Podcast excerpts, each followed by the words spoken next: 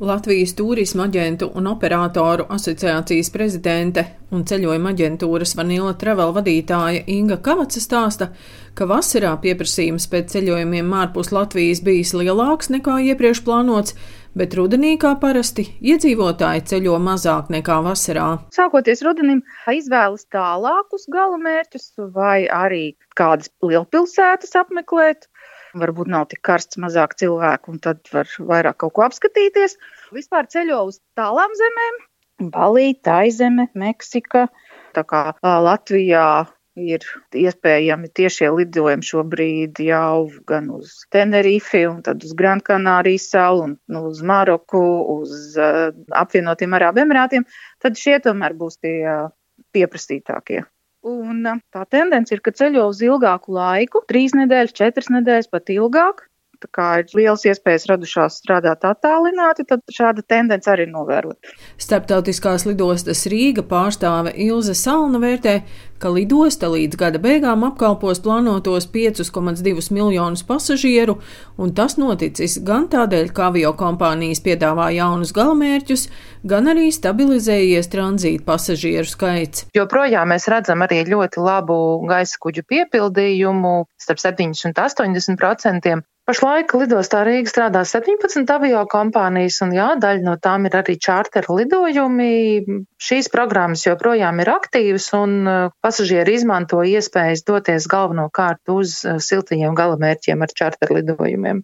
Sākoties ziemas lidojumu sezonai, tātad oktobra beigas, novembra sākums, Nacionālā avio kompānija Air Baltica piedāvās eh, divus jaunus galamērķus uz Marakešu, Marokā. Tātad tas būs pirmais pastāvīgais maršruts no Rīgas uz Āfrikas kontinentu.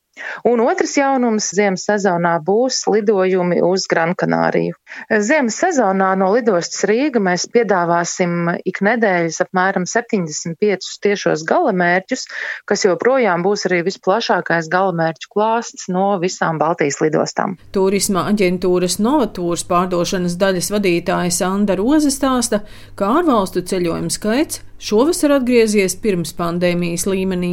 Rudens izpirkts nav, bet, protams, arī piedāvājums ir nedaudz mazāks kopumā nekā tas ir vasaras sezonā, bet, teiksim tā, šis rezervāciju ātrums ir tāds, kā mēs to arī sagaidītu. Tā kā nevarētu teikt, ka šobrīd ir kaut kāds kritums vērojams vai jūtams. Protams, nezinām, kas sekos varbūt pēc mēneša vai pusotra.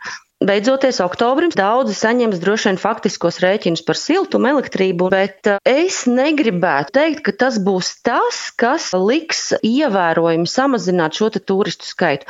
Protams, plus mīnus 10%, jā, noteikti tas ietekmēs, bet tie, kas bija nolēmuši ceļot, ka lielākā daļa no viņiem tomēr īstenos tos savus mērķus.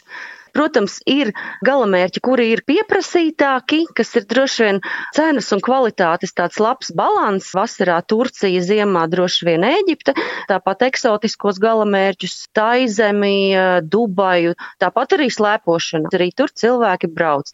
Latvijas turisma aģentu un operatoru asociācijas prezidente Inga Kavaca vērtē, ka ceļojumi kļūs dārgāki un turisti vairs nevar paļauties uz pēdējā brīža akciju cenām. Iesakām plānot laicīgi, pusgadu uz priekšu, bet sagaidīt, ka dienu vai divas pirms izlidošanas būs kaut kas ļoti lēts. Nē, tas pieprasījums ir tik liels, ka uh, vienkārši ir pilnas lidmašīnas, un tā ir tā šī rudens tendence kad ceļās cenas turismā, prognozējām, kad vēl necēlās energoresursu cenas. Vienkārši tāpēc, ka nu, nozara ir divus gadus bijusi ļoti ierobežota, un no tā vien jau kaut kādas izmaksas palielinās. Bet tagad vēl arī ceļās energoresursu cenas, degvielas cenas.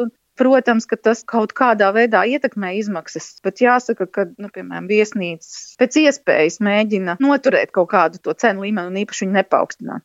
Es pieļauju, ka tu ceļos mazliet mazāk, bet ceļošana noteikti ir veids, kā atkal pārslēgt domāšanu, atjaunot spēkus un varbūt arī to atstās kā prioritāti.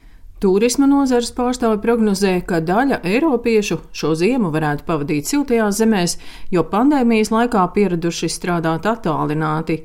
Piemēram, Turcijā šī gada astoņos mēnešos turistu skaits jau palielinājies par 108%. Daina Zalamane, Latvijas radio.